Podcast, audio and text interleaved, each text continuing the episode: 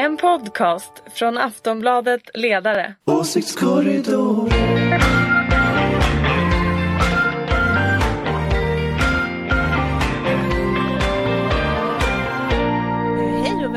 Till Åsiktskorridoren. Eh, vi hade inte möjlighet att spela in i fredags så vi kör nu istället. Det är måndag den 3 december när vi kör det här. Eh, jag har tappat räkning på hur många veckor det gått som valet. 11, 12 kanske? Massor. Eh, massor med veckor. Och vi ska förstås prata om vad som händer i regeringsbildningsfrågan. Med oss har vi Ulrika Schenström, just hemkommen från Hongkong Hongkong. och Det var därför vi inte kunde spela in i Nej fredags. precis, men vi ska göra vad vi kan för att hålla dig vaken nu Ja. en liten stund i alla fall. Jag Ska vi göra det. Och sen har vi från eh, Aftonbladets ledarredaktion har vi Jonna Sima Mm. och Anders Lindberg. Hej här. Anders. Hej! Ja, han är lite fokuserad på att filma just nu men han sitter här bredvid mig och jag heter Anna Andersson. Eh, välkomna hit. Tack. Eh, ja hörni, vad händer egentligen? Förra veckan så kom i alla fall någon slags öppning när C och L sa att jo, de kunde tänka sig att släppa fram Löfven om han i princip adopterar deras politik. Eh, och sonderingsbollen ligger ju hos Löfven. Han har ju talmannens uppdrag just nu. Eh, igår kom beskedet att ti- hans tidsfrist sköts fram så att han, eh, nu är det sagt på onsdag ska det komma någon slags besked. Eh, kommer du göra det? Får vi, nå- får vi, vad händer på onsdag tror ni? Eh, Kommer Löfven kliva ut genom dörrarna med en regering? Jag tror inte det. Eh, men däremot så Ja, kanske man har kommit lite, att man har inlett några förhandlingar i alla fall med dem. För att det, det var ju det som var så eh, oklart när eh, Liberalerna och Centerpartiet gick ut med sina kravlistor. Det var ju egentligen inte så mycket som de var sugna på att förhandla om utan det var ju så här take it or leave it tonen. Mm, det var väldigt eh, ultimativt Precis. sådär, särskilt från Löv får man ju säga. Ja precis. Eh, Om, han, om Löfven vill bli statsminister måste han regera på Centerpartiets politik. Det kändes ju inte som någonting som Löfven skulle köpa. Men eh, förhoppningen är väl ändå att, att det, har, det var början på någon förhandling. Men jag vet inte riktigt vad mer man ska kunna förvänta sig på onsdagen. Nej men det känns har ändå, det var i alla fall någon förändring i positioner som Mm. hände förra veckan va? Så var ändå, vad säger du Ulrika? Vad tror du Nej alltså här? jag vet inte heller vad som kommer hända på onsdag. Nej. Men till syvende och sist till slut så tror jag det ändå kommer att bli en Löfven-regering. Du tror på en Löfven-regering? Okej. Ja, jag tror inte på en Löfven-regering. Nej, jag förstår- jag förstår. Men jag tror att det råkar bli Stefan Inte som en Löfven får andlig sak, utan- Men allt kan ju hända. Anders, vad tror du händer? Här, Ja. Vad tror du händer på onsdag? Jag tror att det som händer på onsdag är att Löfven får mer tid till på måndag. Och sen så tror jag att man, och det, saken är den att nu, nu, nu pågår ju också budgetprocessen parallell, parallellt med detta. Just det, med olika Eh, lagda mud- budget. Ja, man, lä- budget- man lägger sina budgetmotioner och sen så kan man då i utskottet sen, eh, finansutskottet, så kan man ju då rösta på sin egen motion, man kan reservera sig till förmån för sin motion. Och det som gör då det är att då kan du också i slutvoteringen ta upp den här motionen. Så jag tror att det som kommer hända nu det är att alla kommer att ha liksom alla kort på bordet. Man kommer att ha lagt sina motioner som man har lagt så att man kan rösta på dem eller lägga ner rösterna på dem. Och så kan man liksom trycka Löfven successivt mot datumet den 12 december när ramarna för budgeten tas. Och ju närmare du Alltså kommer nästa det här onsdag. nästa Mm. onsdag. Så ju närmare du kommer de här, det här datumet ju, ju liksom skrajare blir ju Löfven att Moderaternas budget går igenom. Så att det blir en slags chicken race mot budgeten. Och Moderaterna har ju antagligen Moderaternas röster, Sverigedemokraternas röster och KDs röster. Och det är 154 röster. De rödgröna har bara 144. Så de behöver alltså, i alla fall Liberalerna, för att inte förlora detta. Och, och det, det gör att, att det ger ju Liberalerna en enorm eh, val, alltså maktställning här eh, i, i det, så länge de här, inte har beslutat om den här budgeten. Sen kan det ju vara så att Moderaternas budget går igenom. Men är inte det konstigt i så fall av, Liberalerna och Centerpartiet om de har nu röstat ner Ulf Kristersson en gång eh, och att sen då kanske medverka då indirekt i alla fall om man trycker gult till att, att en eh, moderat KD budget, Budget, släpps mm. igenom med stöd av Sverigedemokraterna i så fall.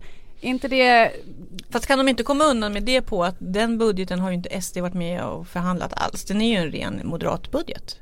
De, de, de, de hävdar ju att det är en alliansbudget. De Fast- hävdar ja, ju att de har tagit alliansens Fast politik. Centern lär ju inte rösta. Alltså jag tror ju inte att hon kan göra någonting som kan Att rösta för sossarnas budget? Nej, det nej är men det kommer hon Nej, absolut men- inte göra. Det var inte dit jag skulle komma. Det fattar jag också Anders. Tack.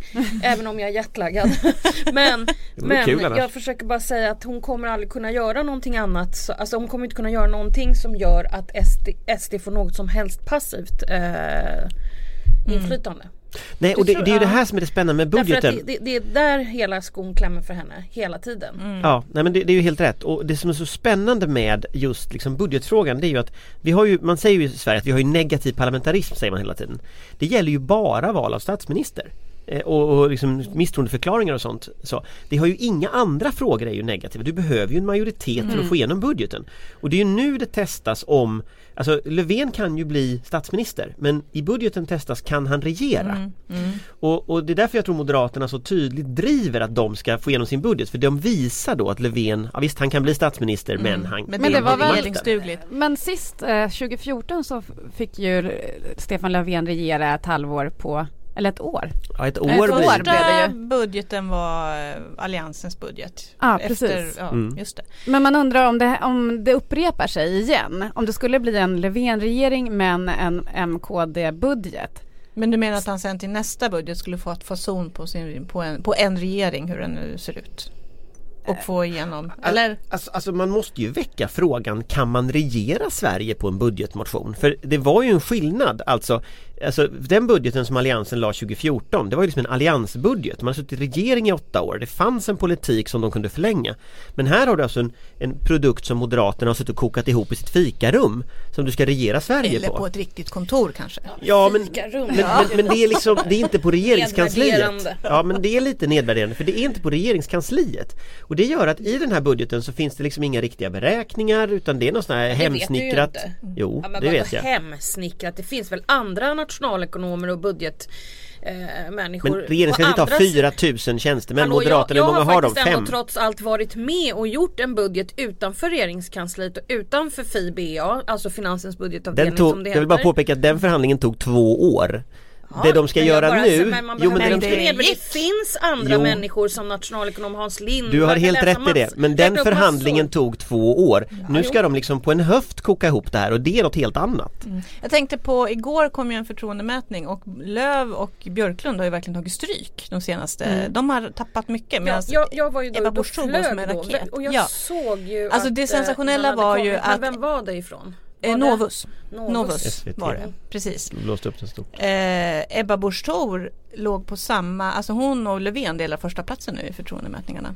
Så att det, men det kostar Men det är mycket de för Centern och som är Liberalerna. minst inne och bråkar och har varit tystast i den här eh, budgetdebatten. Ja men jag tror, att, jag tror att de flesta, även om man sympatiserar med eh, inte. Centerns och Liberalernas hållning så tycker man att de har stökat till det lite väl med de här ultimativa kraven. Att det, inte, det var inte ultimatum man ville ha just nu utan det var någon slags steg framåt, en vilja till, eh, till lösningar. Man brukar säga att svenskarna vill ha en mittenregering och då vill man väl ha någon slags kompromiss, kompromiss, inte hålla på och liksom ställa hårda Jag, jag gjorde en annan spaning när jag såg den mätningen och det var att den som nu leder det konservativa blocket i Sverige är inte Ulf Kristersson. Och det där är lite intressant att, att, att om, om det nu ska bli ett konservativt block Vem blir liksom Och det är inte Jimmie Åkesson. och det är ju definitivt inte Jimmie Åkesson Vem är det då? Vem är det då? Mm.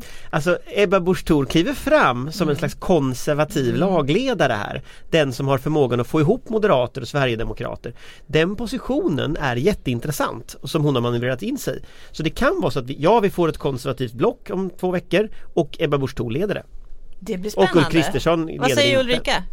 Nej, Alltså, jag, jag orkar inte falla tills längre. Alltså, det här var det dummaste jag har hört. Alltså, jag, jag blir så trött så att jag vet inte vad jag ska ta vägen faktiskt. Jag, jag bara känner så här, gud jag är så trött, så trött. Du får väl trött. säga i alla fall att Ja. det, de är en tredjedel så stora som Moderaterna så att Ja, men kanske alltså, att Anders är ja, ute ja, på Ja men nej, Gungfly. nej men alltså det är för dumt faktiskt. Jag, nej, nej, vi går vidare. Vi går vidare. Vi går vidare. Vi ska, vi ska prata lite grann om I så fall kan man säga att Annie Lööf leder det mitten, Telefonplan. vänster. Det vi kallar för telefonplan. Borgmästare för telefonplan kan Ja, borgmästare för telefonplan. Ja, men, jo, men vi ska prata lite grann specifikt om ett, ett krav som är ett av de hårdare eh, som Centern Liberalerna, nämligen turordningsreglerna. Det här är ju verkligen arbetarrörelsens hjärteblod får man ju ändå säga. Och igår i Agenda så sa Byggnads ordförande Johan Lindholm att kravet är som ett dolkstöt mot hjärtat att man skulle göra om På svenska löntagare ja. Ja, på svenska löntagare, att man skulle förändra de svenska turordningsreglerna. Eh, det här är dramatiskt, men har han inte rätt? Alltså kommer vad, vad kommer hända med, med samarbetet mellan LO och sossarna om, om kan Löfven gå med på det här? Nej, men alltså, jag tror att det är problematiskt redan att hela arbetarrörelsen har, står inför en hel del problem. Eh, Det är ju ingenting jag, behöver säga bara för att reta Anders här nu utan det är ju Men det är en riktigt. bonus. Det är en bonus absolut. men, men, men ändå. Ja. Och jag tänker så här att de man har problem med med SD som har liksom inflytande snart tror jag. Eh, om de inte skärper sig arbetarrörelsen. Eh, så behöver vi inte ha mer problem som sagt i mellan det stora partiet och, och facket. Nej men alltså Byggnads ordförande har ju helt rätt i det här med att man behöver inte mer eller fler otrygga Say hello to a new era of mental health care. Cerebral is here to help you achieve your mental wellness goals with professional therapy and medication management support. 100% online. You'll experience the all new Cerebral Way, an innovative approach to mental wellness designed around you. You'll get a personalized treatment plan from a therapist, prescriber, or both in a safe and judgment free space. Your Cerebral therapist or prescriber will outline a customized plan with clear milestones along the way so you can get to feeling your best. With Cerebral, you're not alone in your mental health journey. We're here to empower you to live a fulfilling life. So take that first step towards a brighter future and sign up today at cerebral.com slash podcast and use code ACAST to get 15% off your first month. Offer only valid on monthly plans. Other exclusions may apply. Offer ends July 31st, 2024. See site for details. arbeten på en eh, arbetsmarknad som är där globaliseringen är, innebär en jätteomställning där vi har mer, eh, fler och fler konstiga anställningsformer.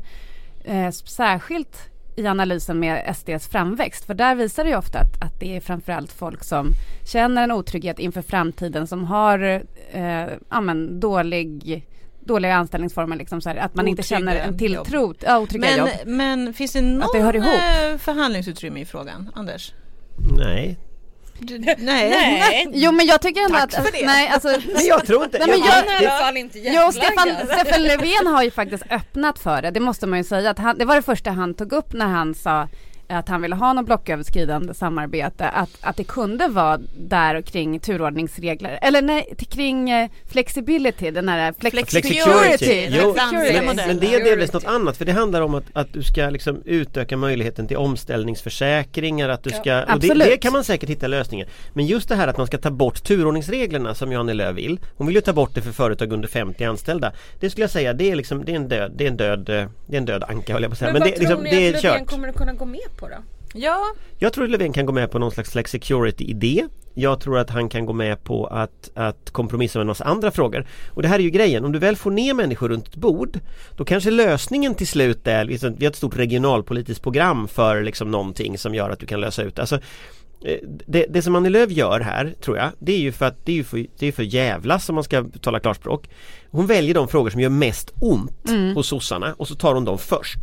Normalt i en förhandling så, så gör man ju så i, liksom, i utgångsbudet så skriker man och gapar. Och det blir helt vansinnigt. Men sen när man väl kommer till bordet så då vet man ju att det här inte kommer att bli. Så då, då börjar man där man är överens. Och så bygger man från det Ja, istället. hon har, hon har liksom, hon vill ha ordentligt med fallhöjd i de här förhandlingarna kändes det Ja. som, så att man inte Och så, så tror jag så här att hon vill ha ett och, och det här tror jag är det som lite kan, kan, kan paja alltihop. För att den här attityden hon har och hennes såna här små, små, små liksom gnomes på Twitter och sådär. Den attityden liksom, take it or leave it. Ni måste acceptera hela Centerpartiets program. Eh, Annars så eh, har ni ingen chans. Och igår sa hon också att, att sossarna skulle få igenom mer av S-politiken i opposition eh, Om de inte satt i regering och sådär. Den attityden retar ju människor i arbetarrörelsen till vansinne. Den retar ju uppenbarligen men jag tror väljarna att- Jag överlag. tror faktiskt att det här, alltså hela det här som vi har pratat om i tre månader, jag tror det retar upp hela svenska folket oavsett var man står någonstans och vad man tycker. Nej, men förutom kanske hennes egna väljare, det jag måste inte hon. Hon har ju ändå sagt att hon ska, hon ska hellre Fast de är ju så få, det är ett så litet parti Jo men det är de väljare hon har. Jo men det är så pyttefå, alltså hon vill bli statsminister Jo men det är 8% herregud Alltså hon vill bli statsminister, hon kommer behöva ha liksom 43% till bakom sig för att bli Men för samtidigt statsminister hon verkar ha en väldigt stark ställning i sitt eget parti. Jo, jo, det är ju ingen och, som men, ifrågasätter. men om man vill bli statsminister kan man inte ha en stark ställning bland 98% av befolkningen och reta upp liksom 92% Det går inte. Och just den här attityden att det är hon, hennes, hennes sätt eller ingen sätt liksom. Eh, Alltså då får vi ingen regering, vi kommer få nyval. Eh, Kommer väljarna och då tycka att det är hennes fel? Och det tror jag väldigt Det är många kommer att möjligen de här tycka. förtroendemätningen kanske ger Nej. en vink om det trots allt. Det Jag, är jag, tror att, ja. jag tror Centerpartisterna har, jag tror de spelar över sin hand något så in i vassen alltså. Samtidigt som de väljarna som hon har är ju väldigt lättkränkta så att säga. Så att de kommer ju låta väldigt mycket om hon skulle göra någonting som skulle kunna Men det är ju intressant att vi har den här diskussionen. Det är så mycket sådana här diskussioner som har kommit nu efter valet som borde ha varit innan. Som Mm. vad kommer hända om inte alliansen får eh, egen majoritet att bilda regering? Ja, hoppsan, då hade man plötsligt inget svar på det. Och samma sak med Löfven faktiskt, att han har ju sagt sedan 2013 i princip att han vill ha en blocköver, något blocköverskridande samarbete med Centern och Liberalerna. Och nu är vi här och nu känns det också som att LO och många andra är så här, men aldrig i livet, det här är en dolkstöt i, i hjärtat och sådär. Eh, Det Han känns som att man inte tänkt igenom det här. Tåget där kan man säga. Eh, Ulrika du sa att du ändå tror att till slut så sitter vi här med en Löfven-regering. Ja därför att hon kommer trycka gult tror jag. Det slut. tror du. Eh, Jonna vad, Det har jag vad, trott hela tiden vad tror du? dag Blir det Löfven eller Kristersson som vi får som statsminister? Jag tror ju att det blir Löfven till slut. Just på grund av Annie Lööf Ja, Okej och, eh, Anders vad tror du? Jag tror att det blir Löfven. Jag har Okej. trott det sen, sen jag insåg att Ulf Kristersson på riktigt trodde att han hade vunnit valet och började liksom sumpa till det där i början. Det är fortfarande så att han har 60% av riksdagen som är höger. Eh, Han har majoritet för en högerekonomisk politik, han har majoritet, alltså, så att normalt sett borde Kristersson ha liksom piece of cake och ta hem det här. Men han har liksom lyckats han har lyckats reta upp strategiskt väldigt, väldigt många olika grupper och lyckats liksom slå in kilen precis på fel plats hela tiden. Alltså det var det här Facebook-inlägget han publicerade som retade upp Centern och Liberalerna. Den här eh, hatkampanjen i sociala medier som hans liksom, sympatisörer ägnar sig åt som han inte stoppar. Alltså, Sen det- tror jag också att ska man, saker ska, man, ska, ska man eh, förhandla, när man ska förhandla rent generellt oavsett vem det är man ska förhandla med så kan man inte bete sig mot den man förhandlar med som man vill att den ska bete sig utan man måste fatta hur den kommer Hur den att bete faktiskt sig. beter sig. Ja, oavsett vad man själv tycker och tänker i frågan. Och jag tror inte att man riktigt hade förstått sig på Annie Lööf här. Eh, och det här Men det verkar ju vi- ingen ha gjort. Jo, jag har ju suttit och sagt Jo men jag tänker på partiledarna. Ja, Nej, partiledarna. nej, nej, Alla absolut, partier, nu har ju absolut. Löfven fått samma problem Jo, att han inte begriper sig på henne. varför, varför fattar man inte? Jag menar det är ju bara, jag, jag satt och tittade på en intervju med Fredrik Federley. Det är ju helt glasklart. De kommer inte försättas i en situation där SD ens eh, är, har ett passivt inflytande på något som helst sätt. Och, det- detta har ju varit glasklart sedan dag ett. Men Kristersson köpte inte det riktigt eller? Ja, Jag vet Nej. inte men, men, men För då är min nästa fråga, för okej om, om det blir Löfven som blir statsminister, vad händer med Ulf Kristersson och Moderaterna då? Kommer han sitta kvar en mandatperiod till eller? Ja det tror jag. Eh, därför att jag tror att det kommer att bli väldigt knepigt att hålla på att byta ut partiledare. Eh, och jag tror att det är bättre att sitta still i båten eh, och, och liksom få ihop partiet än, än att kicka ut någon och sen ska komma in någon ny som det ska ta en evighet för att. Så att jag tror snarare att det är lugn, lugn, lugn skulle jag säga till partimedlemmarna. Mm, ja fast jag undrar, där undrar jag alltså om man, Nej, nej, om man givet, givet jag Moderaternas historia Mm. liksom. Alltså om man, om man tar det här med att skåningarna redan har gjort uppror eh, Alltså de, du behöver inte få så jättemånga till med dig för att en partiledares ställning blir väldigt komplicerad. Att, att du ska liksom, ett tvåfrontskrig, dels bråka med oppositionen eller regeringen då i det här fallet för honom Och dels så ska du hantera liksom att du har ett, ett gäng inom ditt eget parti som ska hugga dig i ryggen hela tiden. eller, ja, ännu värre, som frifräser omkring som någon liten sån här eh, Ja Jag vet inte vad. Och, och, och det gör ju liksom, och det gör ju liksom Ja men det gör ju att det blir På fyra års tid att hålla ihop det skeppet är knepigt. Mona Salin, om vi tar ett exempel från sossarna Hon hade ju säkert idén att sitta kvar efter 2010 I alla fall ett tag. Och det som hände då det var ju Det muttrades sönder. Och det var ju inte någon majoritet av organisationen som muttrade sönder. Men det räcker att liksom en av 20 kanske inte vill leva med de andra 20 för att det blir jättesvårt. Och jag, jag Mm. Håller med om det där, eh, visst. Men, men samtidigt, jag skrev ju faktiskt också en, en, en kolumn här i Aftonbladet som jag kallade för Det i Moderaternas eh, Sverige är, är ehm, Skåne Um, Bayern, Bayern, och Mm. eh, Stockholm, ja, Berlin. Ja det finns absolut spretigheter på många olika sätt i, i Moderaterna. Men just därför så tror jag det är viktigt att inte börja gapa på avgångskrav och sådana här saker just när det verkligen är ett ganska komplicerat läge. Alltså det känns ju fel att gå emot Ulrika som kan det här partiet utan och innan. Men jag Men tror... du tänker göra det Ja, ändå. jag tänker göra gör det ändå eftersom jag vet bäst. Nej. Nej, men jag tror faktiskt att det kommer kraven på att partiet får en partiledare som har en annan syn på SD kommer att öka inom Moderaterna. Man känner hos, hos Ulf Kristersson precis samma som man kände hos Anna Kinberg Batra, en kognitiv resonans när de ska prata liksom om att SD inte är så farliga och man kan visst samarbeta med dem och vi, vi kan eh, inleda samtal och sådär. Eh, man kände De att inte, inte. De, hon bottnade inte i det, Väl, eh, väljarna kände det, det var ju därför hon rök innan valet till och med och man känner det hos Ulf Kristersson också att han inte är bekväm med det ställningstagandet.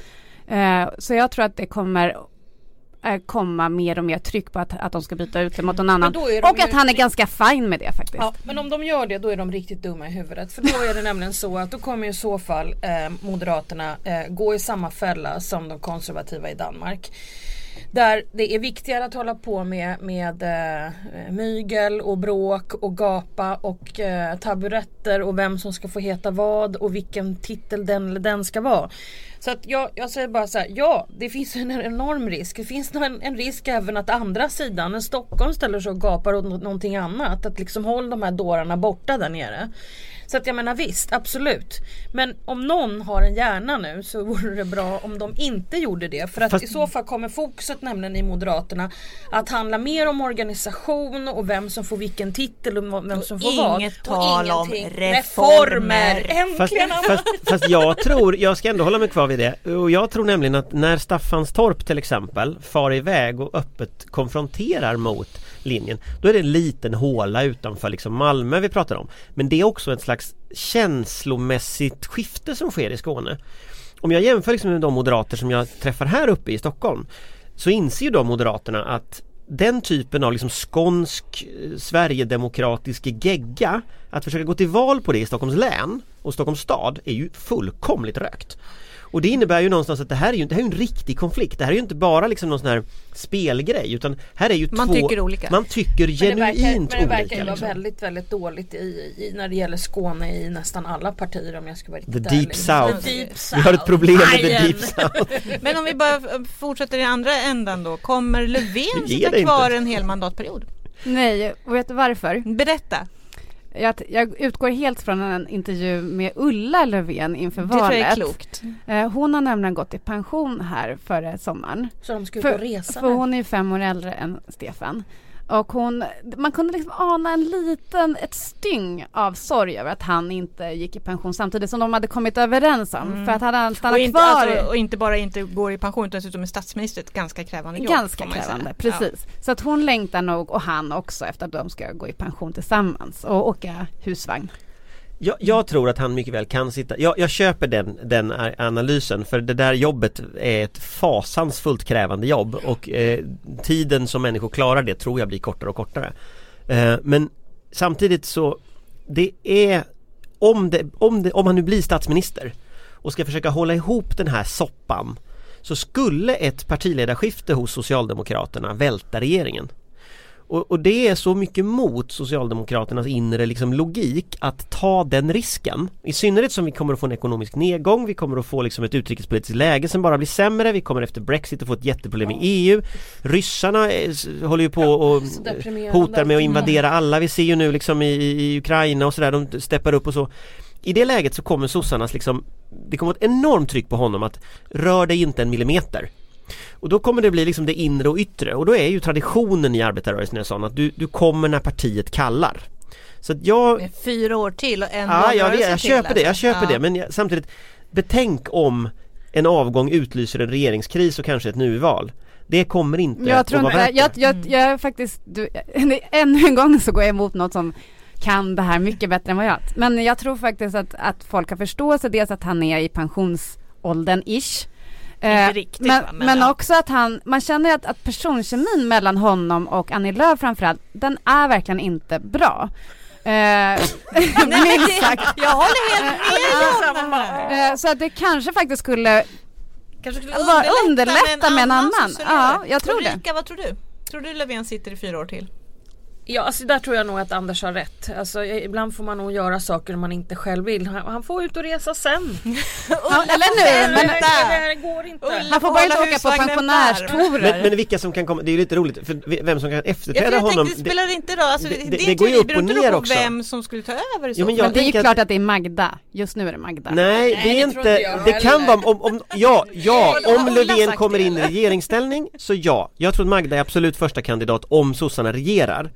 Eh, därför att hon går hem i de lager som sossarna vill vinna. Tror du att Men om sossarna inte regerar här, Daniel tror jag har små förutsättningar att bli partiledare Men däremot så tror jag att Anders Ygeman till exempel som är en typisk oppositionspolitiker Skulle få jättesvårt att bli om det nu är på borgarnas bajonetter det här ska Jag har ske hört att För de, Ek, vad heter han? Ek Anna Ekström Nej, nej inte Vad han heter han? Ekström. Vad heter han? Ek, Ekrot heter han inte. Nej. Eneroth Eneroth! Thomas Thomas Eneroth Eneroth. Han var Ni får ursäkta väl som lyssnar, jag är lite trött. Eneroth! Thomas Eneroth, ja. Ja det har jag hört Infrastrukturminister, från ja. eh, andra socialdemokrater. som jag tänker, Kan säkert bli en av vänsterfalangens kandidater möjligen men, Mm, men, men det, ingen minister men, men att det skulle vara liksom en partiledare för SD tror jag inte på Han blev ju precis eh, minister. Han blev dessutom precis flyttad som gruppledare så att nej, nej det tror jag inte utan, utan Nej, du ni kommer hörde vad ni hörde det första Ja. gången. Jag noterar det här. Men ja. jag tror inte det. Däremot så tror jag att du kommer att se att det kommer att gå lite upp och ner vem som aktierna.